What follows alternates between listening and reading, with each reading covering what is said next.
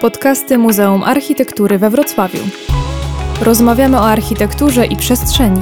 Dyskutujemy na temat miast i ich problemów. Pokazujemy, jak architektura wpływa na naszą codzienność. Zastanawiamy się, jak tworzyć dobrą przestrzeń do życia. Podcastów możecie słuchać na stronie Muzeum Architektury we Wrocławiu ma.wroc.pl i na naszych profilach na Facebooku oraz Spotify. Nazywam się Mikołaj Twardowski i w kolejnym odcinku podcastu Muzeum Architektury we Wrocławiu będę rozmawiał o architekturze i dzieciach. Jak one odbierają przestrzeń wokół? Co jest dla nich ważne? Jak projektuje się dla najmłodszych oraz czy przestrzenie pierwotnie dedykowane jedynie dzieciom mogą być nowymi miejscami, można powiedzieć, odnowy przestrzeni w polskich miastach? A moimi dzisiejszymi gościniami są Natalia Paszkowska, architektka, razem z Marcinem Mostafą prowadzi biuro WWAA w Warszawie, zajmujące się architekturą, projektowaniem wystaw czy scenografii. Współautorka takich projektów jak Pawilon Polski na wystawie Expo 2010 w Szanghaju, Służewski Dom Kultury w Warszawie czy modelowa szkoła podstawowa na warszawskim Służewcu. W 2014 roku laureatka plebiscytu Polacy z werwą w kategorii design i architektura współautorka standardów architektonicznych i funkcjonalnych dla szkół podstawowych i zespołów szkolno-przedszkolnych Miasta Stołecznego Warszawy Szkoła Dobrze Zaprojektowana. Dzień dobry i Patrycja Mazurek zajmuje się edukacją w Muzeum Architektury we Wrocławiu. Wraz z Agnieszką Golą koordynuje i prowadzi edukacyjny projekt Laboratorium Architektury przeznaczony dla dzieci z klas 1-3 szkoły podstawowej, mający na celu rozszerzenie programu edukacji artystycznej o edukację architektoniczną, jak i uwrażliwienie dzieci na przestrzeń, w której żyją. Dzień dobry, bardzo mi miło.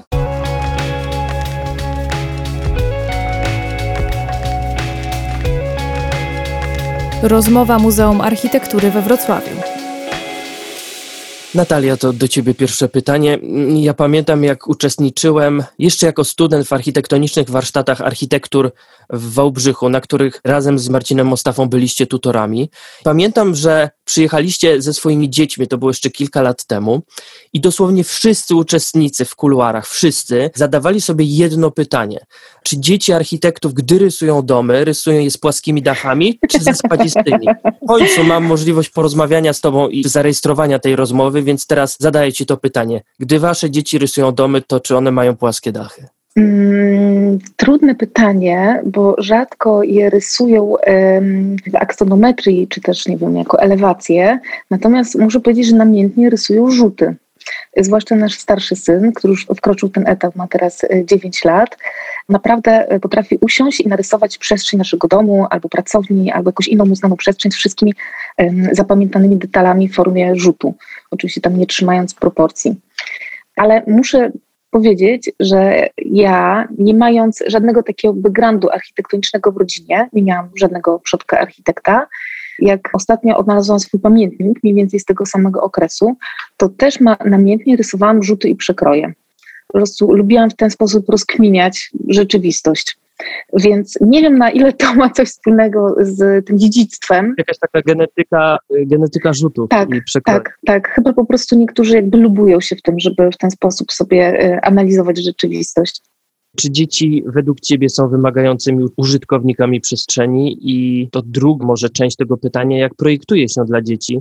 Czy to jest wdzięczne zajęcie, czy raczej rodzaj trudnego wyzwania? No to jest um, chyba najwdzięczniejsze zajęcie, tak, tak ja je postrzegam, natomiast też najbardziej takie brzemienne w skutkach. No ja tak coraz większą czuję odpowiedzialność e, w tym temacie i to nie tylko w takim projektowaniu stricte dla dzieci, tych przestrzeni, które są dla nich dedykowane, ale generalnie projektowaniu miast, ulic, domów, no przestrzeni, w której żyjemy na co dzień. Wtedy jak się spotkaliśmy, to mieliśmy dwójkę pociech, teraz mamy takie świeże trzecie, półtora roczne i każde to dziecko kolejne jest dla mnie ogromnym doświadczeniem i lekcją i takie poznawanie świata z nim, pokazywanie go bardzo dużo mnie uczy. Jestem świeżo po spacerze wczorajszym, takim pierwszym, w sumie świadomym spacerze za rękę z tą najmłodszą córeczką, tutaj po warszawskim Żoliborzu. I muszę powiedzieć, że miałam bardzo taką smutną konstatację, dlatego że praktycznie szłam z nią i ona cały czas pokazywała jedną rzecz palcem, nazywając ją, i to było ało, ało, ało, ało, ało czyli auto. I z jej perspektywy użytkownika chodnika na e, tej takiej, e, w tej starej dzielnicy, w której teoretycznie są ciekawe rzeczy do pokazywania, są takie kameralne uliczki, ale są w 100% zastawione samochodami. To jest jedyna rzecz, która ona widzi. No gdzieś tam może jakiś zapląta się ptaszek, czy krzaczek, czy motylek, ale jakby głównym bohaterem jej takiego środowiska, no niezbudowanego, ale tego, co ją otacza, są auta. I to jest jej podstawowe słowo, i e, to jest ciekawe, no bo ten język buduje się w oparciu o to, co jest najbardziej przydatne. Czyli dla niej to jest jakby najważniejsze pojęcie w tym momencie, żeby opisywać rzeczywistość wokół. Ale rzeczywiście, jak zauważasz, gdy idziecie w jakieś inne miejsce, um, albo ta perspektywa się zmienia, no bo wiadomo, że mały człowiek ma tą perspektywę o wiele niższą. Czy to jest w ogóle kwestia samego terenu, czy po prostu tych aut jest tak dużo, że one gdzieś tam przebodźcowują dzieci? No myślę, że one w, w ramach ulic budują pierzeje. po prostu dziecko idzie i nie widzi, szczerze mówiąc, wiele więcej analizuje, nie wiem, refleksy w karoserii i fakturę opon, y, grzebiąc w nich palcem, no to jest po prostu jego świat. Tak jak nasi przyjaciele wyemigrowali na Podlasie i to dziecko przez najbliższe, przez te pierwsze, pierwszych parę lat będzie miał bardzo ograniczony kontakt tym obiektem i będzie, wydaje mi się, jego język i w ogóle pojęcia i wydaje mi się, że mózg będzie się inaczej kształtował, tak no, nasze dzieci są skazane na to, żeby analizować te elewacje stworzone z samochodów. Ja to tak y, wybiłam na pierwszy plan, bo wczoraj wieczorem to do mnie dotarło i to było naprawdę jakby piorunujące, bo ponieważ zazwyczaj jednak błądzę tym wzrokiem trochę wyżej, nie zdaję sobie z tego sprawy. A wczoraj jakby to zrozumiałam w stu procentach. Zwracam się do Patrycji Mazurek. Gdy czytałem program Laboratorium Architektury współkoordynowany przez Ciebie w Muzeum Architektury we Wrocławiu, to mam takie wrażenie, jakby ten edukacyjny program dla dzieci był takim rozwiązaniem wielu problemów w odbiorze polskiej przestrzeni. Nie tylko dla dzieci, ale też dla dorosłych. Architektura jako prawa życia codziennego, uwrażliwienie na przestrzeń, świadomość jej obecności, doświadczenie wielozmysłowego odbioru architektury, a co najważniejsze, aktywnej troski o najbliższą przestrzeń swojego miasta.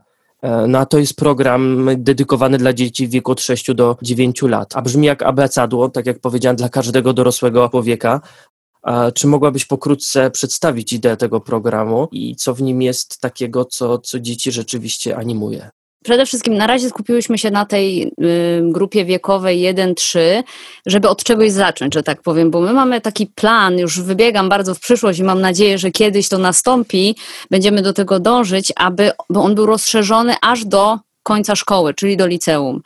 Chcemy zacząć oczywiście jak najwcześniej, prawda, żeby to zaszczepić już jakąś taką e, świadomość tego, co jest naokoło. Ja się tak uśmiechałam, kiedy tutaj e, była poruszana ta kwestia tych aut, ponieważ u nas dokładnie coś podobnego działo się na zajęciach.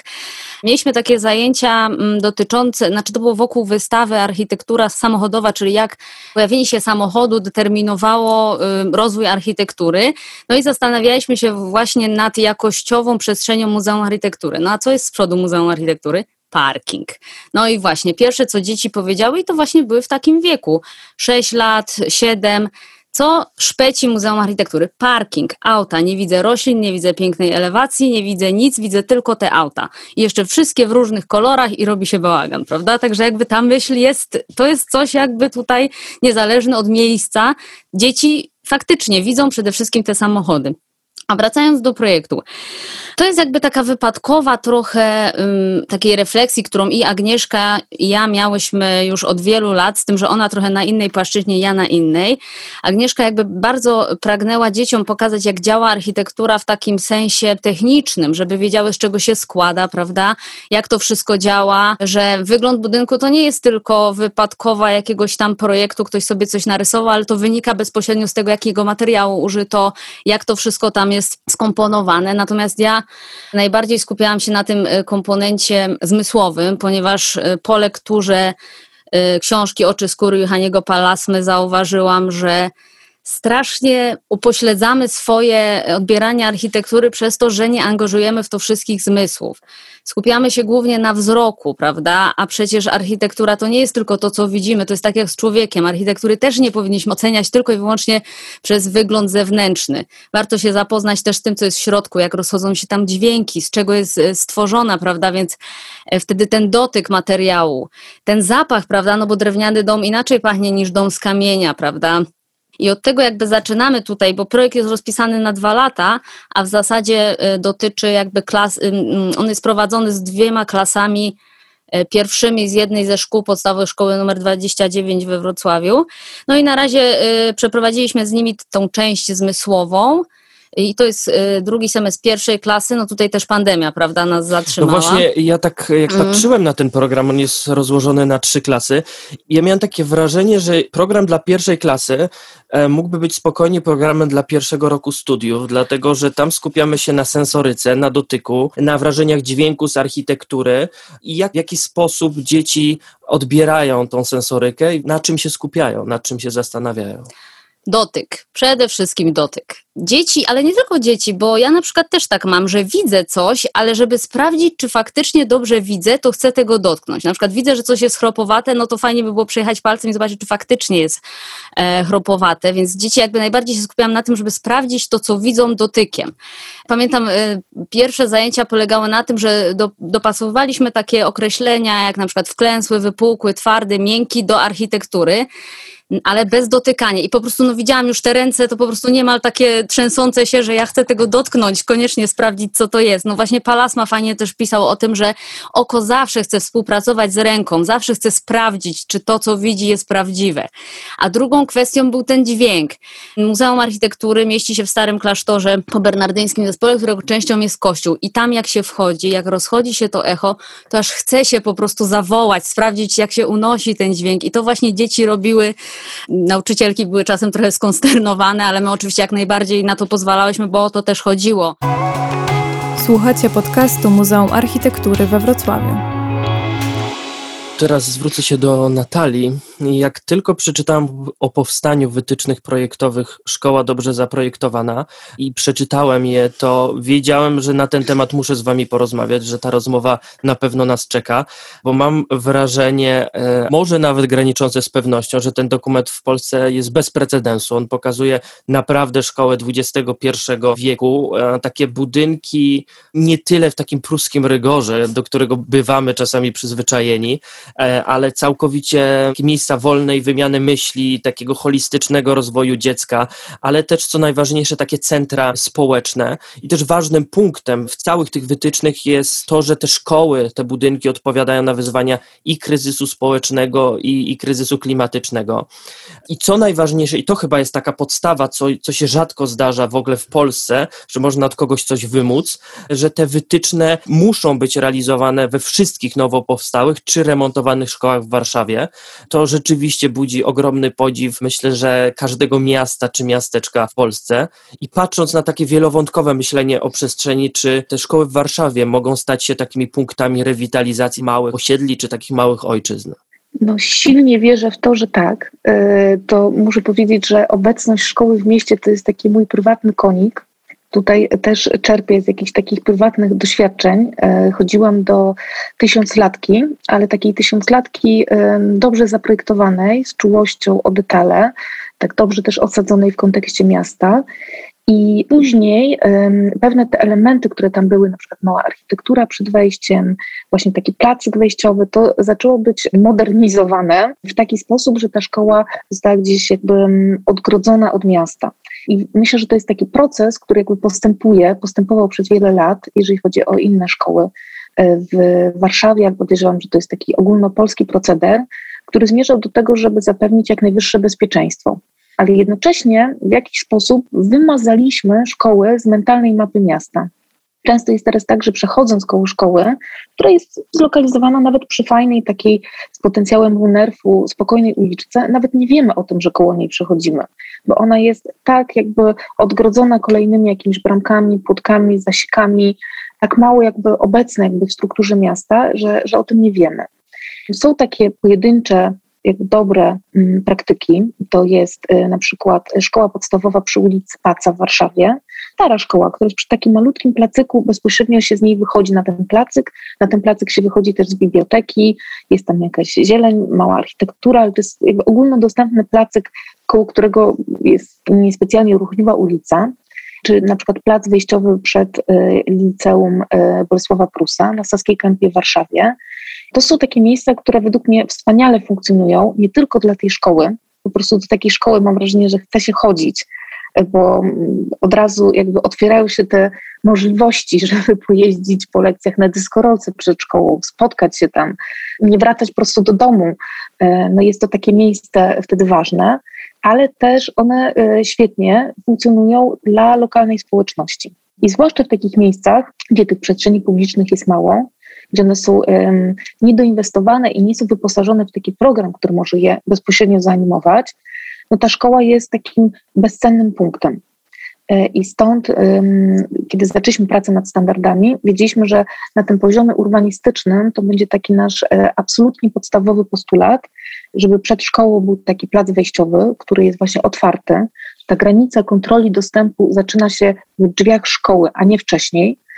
I że ten plac pozwala też na to, by później funkcje, które są w szkole umieszczone, takie jak na przykład blok sportowy albo biblioteka, mogły też działać po godzinach zajęć dydaktycznych. I to jest coś, co też przynajmniej w Warszawie się dzieje. Często te sale są e, wynajmowane na jakieś tam lekcje karate. Też miałam takie sytuacje dowożenia tam dzieci na różne zajęcia sportowe, do, do po prostu publicznych podstawówek, ale zazwyczaj to wygląda tak, że wchodzi się do takiego mrocznego holu, w którym są wygaszone światła siedzi woźny albo i nie i później się podąża przez całą szkołę jakimiś ciemnymi korytarzami, puszczając dziecko na te zajęcia, siadając kucki na tym korytarzu i tam godzinę czy półtorej czekając na nie. Jest to taki stracony czas dla tego rodzica.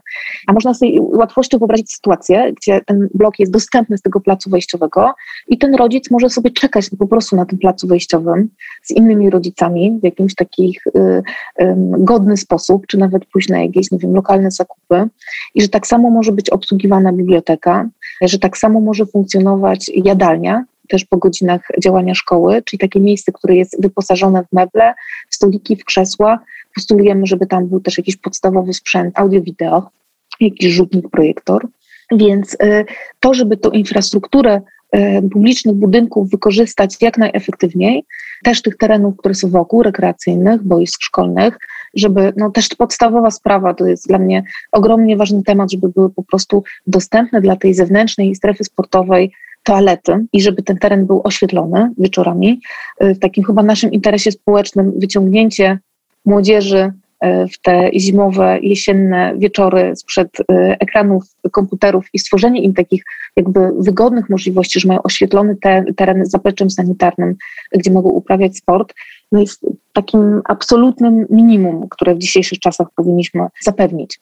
Jak widziałem projekt waszej modelowej szkoły na Służewcu, to mam takie wrażenie, że najbardziej ważnym elementem kształtowania przestrzeni czy wrażliwości wobec dzieci jest e, subtelna praca na granicach, na przejściach pomiędzy zewnętrznością, wewnętrznością, granicach społecznych, E, które się gdzieś płynnie w jakiś sposób nie, nie kształtują się głównie płotem, ale jakąś taką płynnością miękkich barier związanych z odczuciami niż rzeczywiście z, z jakimś fizycznym obiektem.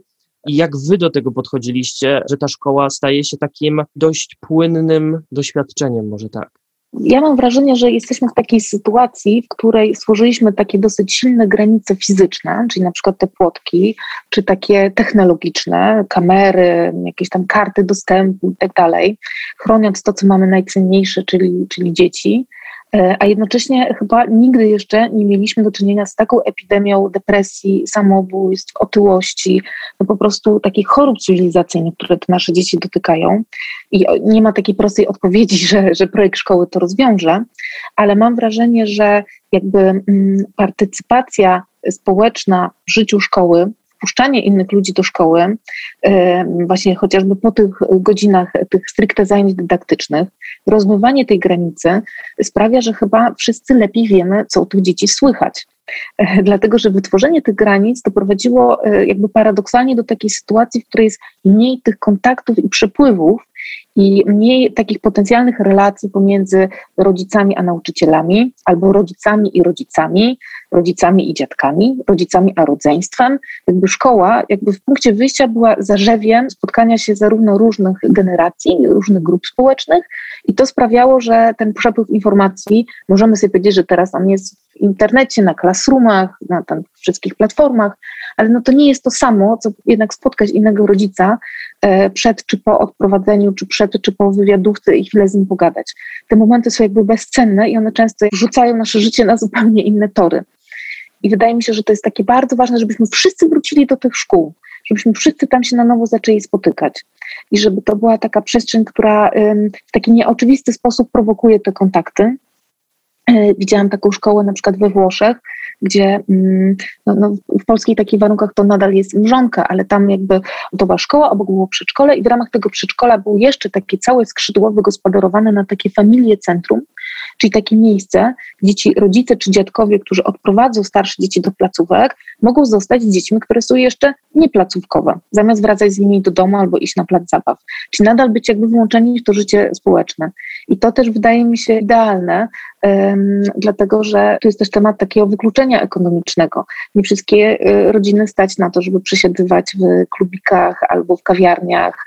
Często jest taki temat takiej samotności rodzicielskiej. To jest bardzo wiele godzin spędzanych z tym małym dzieckiem, gdzie potrzebuje się tych interakcji z innymi dorosłymi i ta przestrzeń tych miesiącach, kiedy na placu zabaw nie jest e, ciepło i słonecznie, jest do tego potrzebna.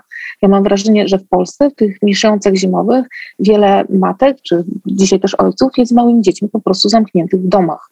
Mam takie wrażenie, patrząc na wymarzone szkoły z Waszych wytycznych, one okazują się budynkiem, który jest rodzajem narzędzia edukacyjnego, że nie jest to tylko miejsce, w którym się uczymy czegoś, ale które uczy nas różnych, nie tylko relacji społecznych i właśnie wystarczy go pewnie tylko mądrze wykorzystać przez nauczycieli. Jak według Ciebie, jakie cechy musi mieć taka architektura, żeby być takim dobrym narzędziem nie tyle opieki, schronienia, ale narzędziem edukacyjnym, kształtującym świadomego, ale przede wszystkim wrażliwego młodego człowieka? No chyba tutaj nie powiem nic nowego, e, bo myślę, że takim naczelnym hasłem jest po prostu szczerość i to, co zawsze architekci lubili, czyli taka szczerość formalna, materiałowa, dzisiaj ma chyba następną warstwę znaczeniową w kontekście kryzysu klimatycznego, czyli taka redukcja e, niepotrzebnych warstw. Budowanie w ten sposób, by unikać tych kolejnych na przykład warstw wykończeniowych, które zakrywają instalację, e, czyli są taką warstwą tylko jakby estetyzującą to wnętrze, upraszczającą, jest sposobem na to, żeby zarówno e, ten budynek miał lepszy ten bilans, jak i żeby pokazać po prostu dzieciom, jak budynek działa. I chyba z budynkami zaczyna być podobnie teraz jak z komputerami. One się stają tak skomplikowane, że taki przeciętny użytkownik nie wie o co chodzi w tej wentylacji mechanicznej, już nie mówiąc o kolejnych systemach. Coraz więcej mamy po prostu skomplikowanych systemów, e, które obsługujemy jakimiś ekranikami, zaraz tak będziemy obsługiwać światło, no to po prostu parę lat i tak naprawdę e, wszystko stanie się takie na poły cyfrowe też, jeżeli chodzi o instalacje w budownictwie. I chyba tym bardziej to jest taki ostatni moment, żeby pokazać, jak to jest w tym budynku przeprowadzone, jak to jest skomplikowane, jak to wszystko działa. I odniosę się tylko tutaj jeszcze do wypowiedzi drugiej gościni e, a propos tego dotykania. Kiedyś miałam okazję wziąć udział w takim interdyscyplinarnym warsztacie, e, w którym pojawiły się jakieś próbki, nie wiem, no część osób zaczęła je tam namiętnie macać i ktoś powiedział, ok, mogę się założyć, że wszyscy, którzy to robią, są architektami. I się okazało, że rzeczywiście tak było.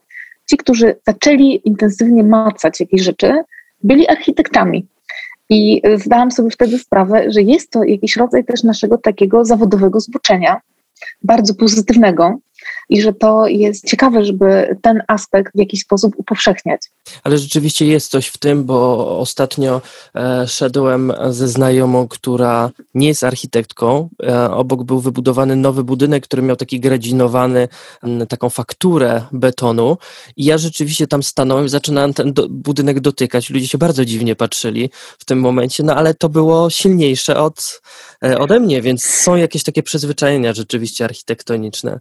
Ale właśnie wracając do tych warsztatów, to e, jednym z punktów e, tych waszych warsztatów edukacyjnych Laboratorium Architektury nazywa się Moje, Wasze, Ich. I tutaj przytoczę cytat opisujący te zajęcia. Punkt wyjścia stanowić będzie spacer badawczy po wybranych miejscach w śródmieściu Wrocławia. Zastanowimy się wspólnie, w których zakątkach najlepiej spędzać czas, co sprawia, że dobrze czy źle porusza nam się w mieście, jakie przestrzenie nam brakuje oraz jakie elementy wymagają zmian.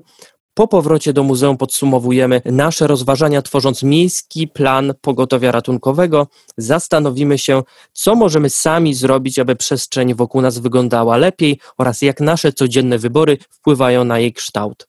Powtarzam jeszcze raz, że akurat te zajęcia są dedykowane dla dziewięciolatków i patrząc na dzisiejsze zabetonowanie miast, to wydaje się karkołomne zadanie e, nawet dla dorosłych, żeby ocenić tak dobrze przestrzeń. I tak jak rozmawiałem wcześniej z Patrycją e, przed nagraniem, te zajęcia dopiero nadejdą, ponieważ program jest przewidziany na dwa lata, ale wiem, że masz już doświadczenia z tego typu działaniami z dziećmi. Takie chyba najprostsze pytanie, jak dzieci oceniają przestrzeń naszych miast i, i co chciałyby w niej zmienić lub wprowadzić?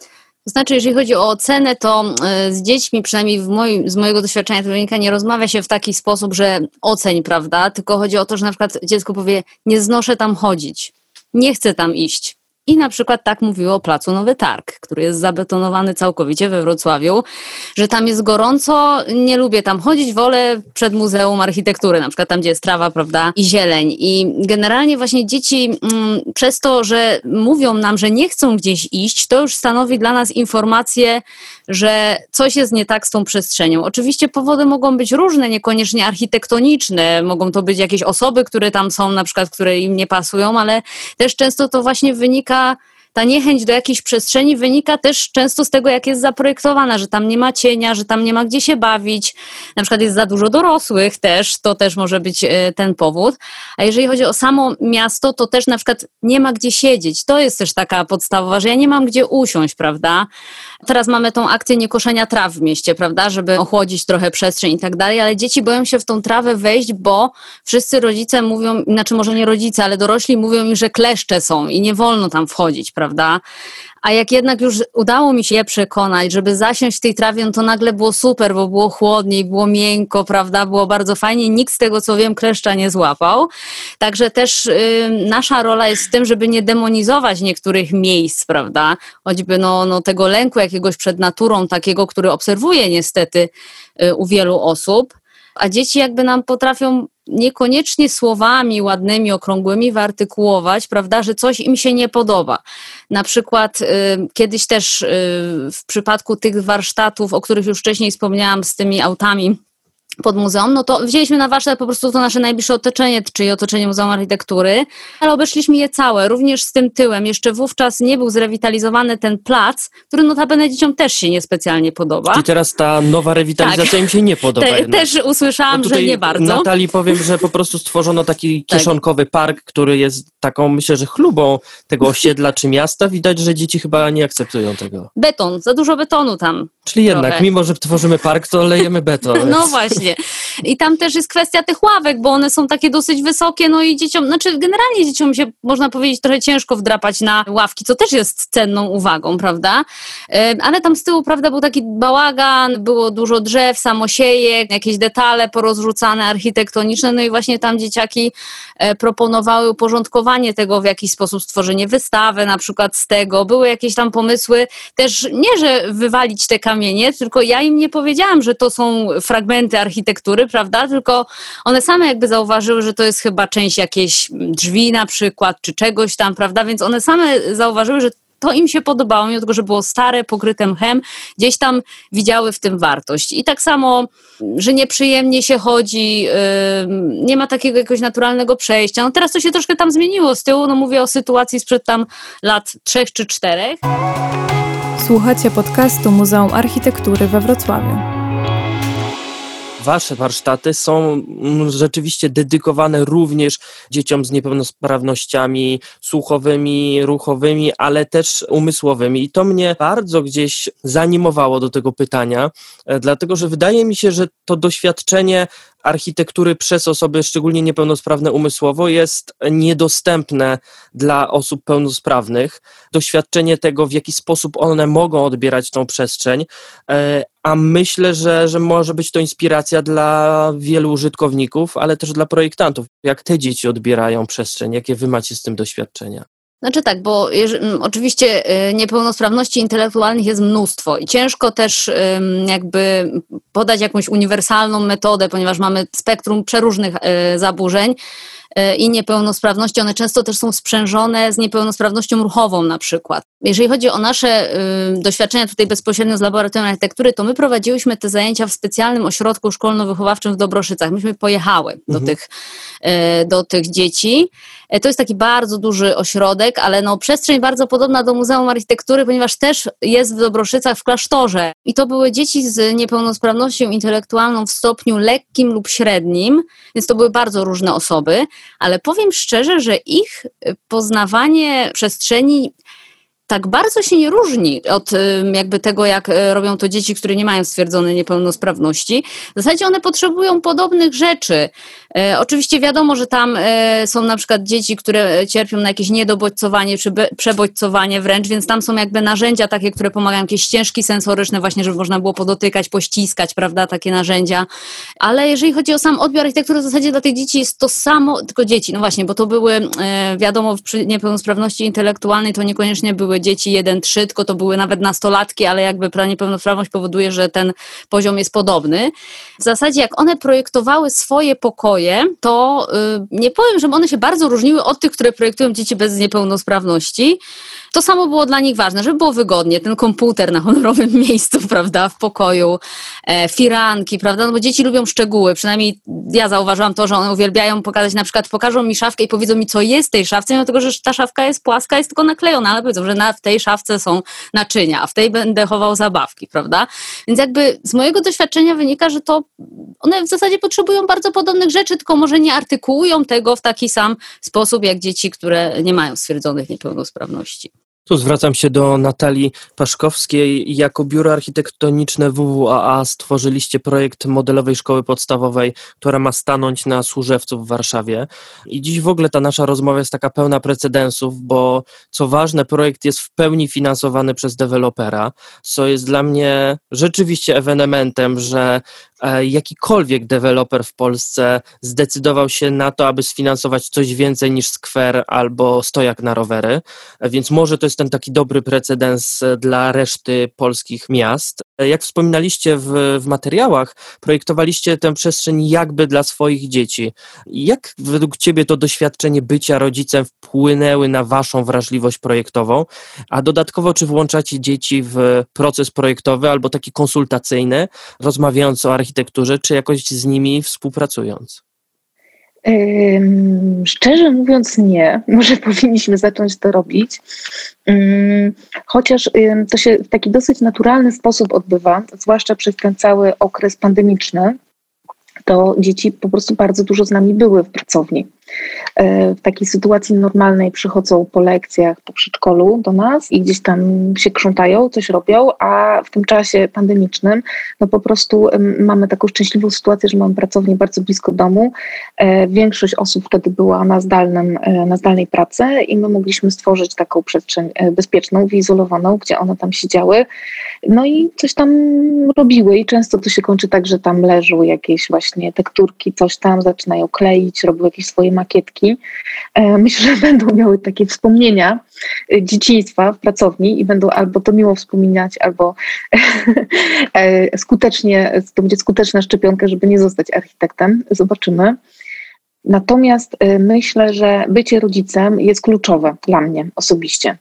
Y, że te jednak y, wiele godzin spędzanych w takich sytuacjach odbierania dzieci, y, zawożenia, jakby te wywiadówki, jakieś różne sytuacje szkolnych, nie wiem, imprez, no bo na co dzień w trakcie takich zajęć lekcyjnych czy przedszkolnych, no to rodzic nie jest obecny, więc nie ma szans jakby na żywo tego obserwować, no ale są te różne jakby takie sytuacje, gdy ma szansę na ten styk i to są wszystkie, wszystko obserwacje, z których na maksa czerpię. Nie wyobrażam sobie jakby nieposiadania ich. Też taka wiedza o tym, jakie są potrzeby dzieci jakby w różnym wieku i wydaje mi się, że te, że, że te potrzeby się bardzo szybko jakby zmieniają. Powinno się inaczej projektować dla dziecka, nie wiem, od 0 do 6 miesięcy, a potem od 6 miesięcy mniej więcej do półtora roku, że to, to, to nie są nawet takie skoki co 3 lata. Te skoki są na samym początku jakby dużo gęstsze. Jeszcze zanim miałam dzieci, miałam szansę na taką studialną wycieczkę po domach kultury w Szwecji. To był w czasach, kiedy właśnie projektowaliśmy tą kulturę i zwiedzaliśmy też biblioteki. I byłam już wtedy zauroczona tym, jak oni to rozpoznali, że jeżeli jest biblioteka dla dzieci, to ona ma te ileś progów dostępności, czyli są książeczki, które się walają po dywanie. Te książeczki dla tych dzieci, które jeszcze nie chodzą, się tam czołgają, się napotykają na te książki. Potem jest ten pierwszy, nie wiem, stopień regału, są te takie e, twarde, jakieś kartonowe książeczki. Potem jest jakiś następny poziom już dla tych, którzy zaczynają czytać każda ta grupa czytelnicza jest rozpoznana i pod nią jest jakby dedykowany jakby ten dostęp, ta prezentacja książki. Jak sobie myślę o naszych bibliotekach dla dzieci, gdzie w sumie to jest wszystko, mm, znaczy na pewno są już też bardzo dobre przykłady, e, skowronki, zmiany, ale nadal mam wrażenie, że większość tych bibliotek no to są po prostu regały z poustawionymi książkami. Przynajmniej takie biblioteki, których, do których ja z dziećmi gdzieś chodzę i coś wypożyczamy, to nie jest to zachęcające. I myślę, że jak się patrzy później na to właśnie y, czytelnictwo, na przykład właśnie w Skandynawii i w Polsce, no to to jest ten moment, kiedy można to dziecku zaimplementować. Myślę, że dużo takich jakby drobnych rozwiązań, y, które można podpatrzeć jako, jako rodzic, no bo to jest najłatwiejsze, bo to jest po prostu duża część twojego życia wtedy. Wydaje mi się, że y, są też architekci, którzy świetnie sobie radzą w projektowaniu szkół i nie mają dzieci, tylko muszą tu wiedzę pewnie mozolniej zdobywać. No, nam jest łatwiej trochę. Jak zauważasz e, swoje dzieci, gdy chodzą czy po budynkach zaprojektowanych przez Was, czy z Wami na jakieś wycieczki architektoniczne, to na co najbardziej zwracają uwagę w samej architekturze? Bo w, w mieście wiemy, że samochody, ale w samym kontekście architektury, co jest dla nich najważniejsze? Taka moja najfajniejsza chyba obserwacja dotyczy tego, że dla dzieci miejscem jest zupełnie coś innego niż dla dorosłego. E, I na przykład my mamy mieszkanie, które jest dwupoziomowe, i dla nas, dla mojego męża, takim miejscem, które dedykowaliśmy dla spędzania czasu, jest oczywiście, nie wiem, kanapa przed telewizorem, no jakaś tam strefa taka salonowa, czy stół w jadalni. A dla moich dzieci miejscem są na przykład schody. To jest miejsce, gdzie oni lubią jakby przybywać i się bawić. Miejsce, które dla mnie jest takim tylko transferem komunikacyjnym. Chcę tylko przebiec po nich się jak najszybciej przemieścić. E, czy taki fragment podłogi w kuchni, gdzie się krzątam i są między moimi nogami. E, czyli jakby dzieci wybierają sobie jako miejsce, czyli tak definiuję to e, jako taką strefę, która jest dla nich przyjazna, która sprzyja temu, żeby się tam rozłożyć z całym Majdanem zabawkowym i spędzać czas, takie fragmenty mieszkań czy domów, które dla nas mogą się wydawać przypadkowe. I teraz oczywiście rodzi się pytanie, czy w procesie projektowym próbować to przewidzieć. I teraz jest taka tendencja na przykład w projektowaniu szkół, żeby projektować takie różne zakątki pod schodami, jakieś alkowy, jakieś takie miejsca, które są w skali dziecka, gdzie mogą się schować, skryjówki i tak dalej. Ale ja niestety mam też takie poczucie, że może się okazać, że te takie specjalnie przez nas wymyślone miejscóweczki dla dzieci i tak nie są tym, co jest dla nich najbardziej atrakcyjne. Bo dla nich na przykład często tym takim miejscem jest pewne skrzyżowanie dróg komunikacyjnych. Po prostu taki fragment podłogi, na którym się dużo dzieje e, i z jakiegoś powodu cały czas ktoś się o nie tam potyka. A dla nich to jest, nie wiem, może czują się tam bezpieczne, bo cały czas ktoś się kręci wokół.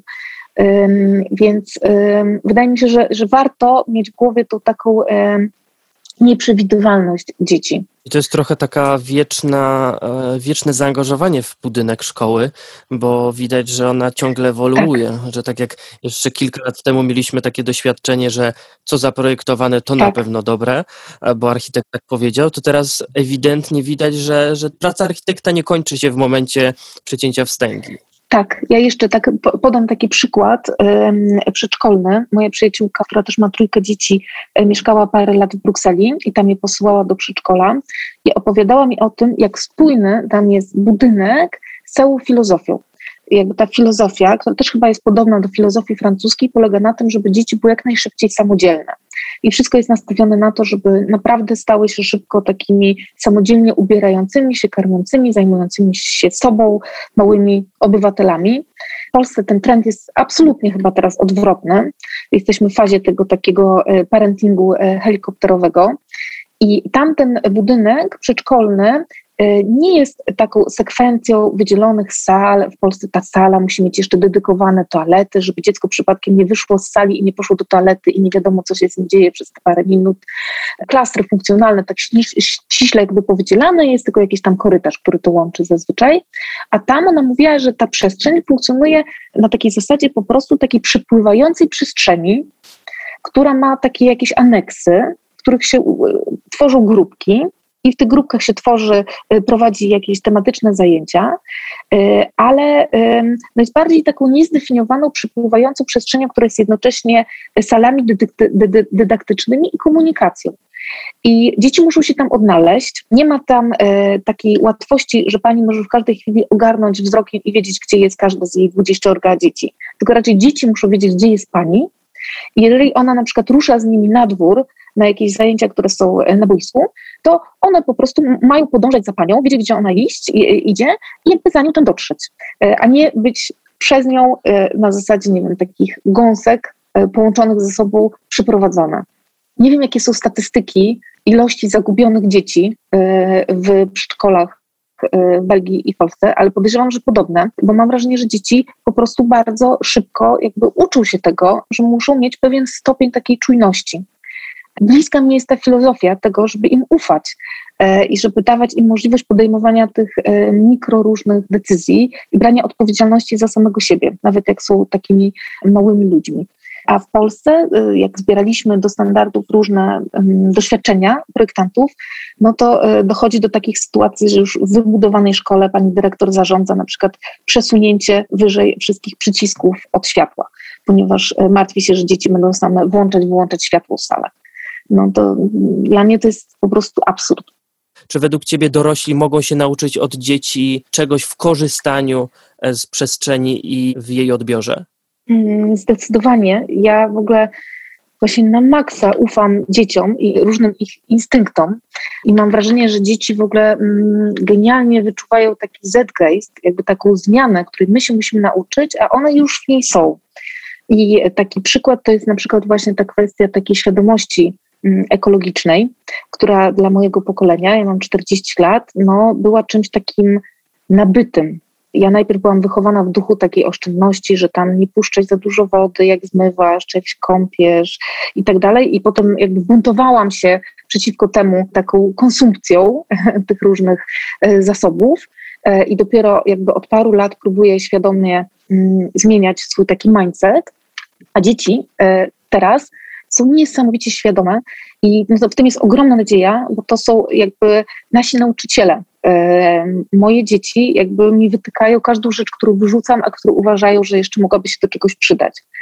To nie jest taki natrętny dydaktyzm z ich strony, że oni powtarzają, nie wiem, słowa pani z przedszkola, czy powtarzają coś, co ja im powiedziałam, tylko naprawdę mam wrażenie, że to płynie z głębi ich jakiejś takiej, nie wiem, no, takiej struktury, którą już mają zaszytą po prostu wiedzą, że tak, trzeba funkcjonować w świecie, że trzeba po prostu tą wodę oszczędzać, tak? I to nie jest żaden obciach, tylko trzeba ją po prostu w świadomy sposób y, użytkować. Więc mam wrażenie, że na przykład na tym polu my powinniśmy się bacznie bardzo im przyglądać i z nich jakby e, czerpać inspirację, bo mm, my wypracowujemy rozwiązania w oparciu jeszcze o nasze przyzwyczajenia. E, a mam wrażenie, że oni mogą wyjść z kompletnie nowymi rozwiązaniami. Na koniec chciałbym Was e, zapytać, jakimi według Was użytkownikami przestrzeni przyszłych miast będą dzieci, do których dziś adresujecie te inicjatywy? Patrycja. Znaczy, ja mam na, nadzieję, że jakby my zasiejemy jakieś takie ziarno świadomości, że ta przestrzeń to nie jest rzecz, której my nie kształtujemy też. Że budynek nie jest postawiony i my jakby jesteśmy petentem wobec niego w takim sensie, że tu nie zmieniaj, tu nie dotykaj. Jakby budynek jest dla nas. Jeżeli użytkownicy są z niego zadowoleni, znaczy, że on jest dobry. I to samo dotyczy przestrzeni, prawda? Że jeżeli nam się nie podoba jakaś przestrzeń, szczególnie jeżeli to jest taka nam bliska, to możemy reagować. Oczywiście wiadomo, że e, tam siedmiolatek no nie ma takiej y, ogromnej mocy sprawczej, ale może o tym mówić, prawda? Chcemy, żeby wiedział, że może powiedzieć, że mu się coś tam nie podoba, zaproponować coś. Teraz ta podmiotowość dzieci mi się wydaje, no oczywiście nie na tym polu szkolnym niestety, że dziecko może wyrazić swoją opinię na temat, a jeżeli już to dziecko będzie wiedziało, że może, to może później jako nastolatek, prawda, czy już młody dorosły, będzie mógł, czy mogła się angażować właśnie w takie jakieś aktywistyczne ruchy, żeby po prostu te dzieci wiedziały, że miasto czy wieś, no gdzie, to miejsce, gdzie mieszkają jest ich, tak samo jak wszystkich innych. To, jak ja czuję się w tym, jest też w dużej mierze zależne od moich wyborów, od tego, jak ja na to patrzę, że ta wspólna przestrzeń nie znaczy, że jest niczyja, jest z nas wszystkich i każdy z nas jest za nią y, odpowiedzialny. Czyli takich młodych, aktywnych obywateli. Tak. E, Natalia? W stu procentach się zgadzam. Ja wypatruję w dzisiejszych nastolatkach zarzewia wreszcie społeczeństwa obywatelskiego, bo niestety mam uczucie, że, że ciągle nim nie jesteśmy. I mm, wierzę, że takie działania, których teraz jest sporo na polu tej edukacji architektonicznej, doprowadzą do tego, że ktoś, kto wymienia sobie okna w mieszkaniu, spojrzy, jakiego koloru okna mają e, sąsiedzi, stawia ogrodzenie, to się zastanowi, czy ono jest rzeczywiście potrzebne, zanim wytnie drzewo też pomyśli, co to oznacza. I e, to będzie ta suma tych takich mikrodecyzji, które sprawią, że ten e, krajobraz zbudowany wokół nas będzie kompletnie innej jakości. Ale z drugiej strony mam nadzieję, że to też doprowadzi do tego, że to będą ludzie, którzy będą świadomi tego, że ludzie na poziomie, nie wiem, miasta czy Sejmu, którzy decydują o takim um, najważniejszych aktach prawnych, które na koniec definiują ten krajobraz, muszą być specjalistami. I e, to jest chyba taki temat, który dotyczy nie tylko architektury, ale także innych gałęzi naszego życia. Ja bym chciała, żeby ludzie, którzy e, decydują mm, na naprawdę dekady, jeżeli nie stulecia, o tym, jak Polska wygląda, naprawdę się świetnie na tym znali. Bardzo Wam dziękuję za rozmowę i za taki pozytywny koniec, czyli nadzieja w dzieciach. I na koniec mam takie zapytanie do Ciebie, Natalia modelowa szkoła na Służewcu. Czy w takim wypadku przekonasz panią dyrektor, żeby wprowadziła laboratorium architektury e, w klasach 1-3? Czy masz taką cudowną moc sprawczą? Na pewno będę się starać. Dobrze, to bardzo dziękuję. Ja się czuję też takim trochę małym ojcem chrzestnym e, jakiejś tam cząstki czy, czy, czy atomu tego e, sukcesu, bo wydaje mi się, że tego typu inicjatywy z każdej strony są potrzebne. Jeszcze raz Wam bardzo dziękuję za rozmowę. Gościniami z podcastu Muzeum Architektury we Wrocławiu były Natalia Paszkowska, architektka oraz Patrycja Mazurek, edukatorka architektoniczna. Do usłyszenia.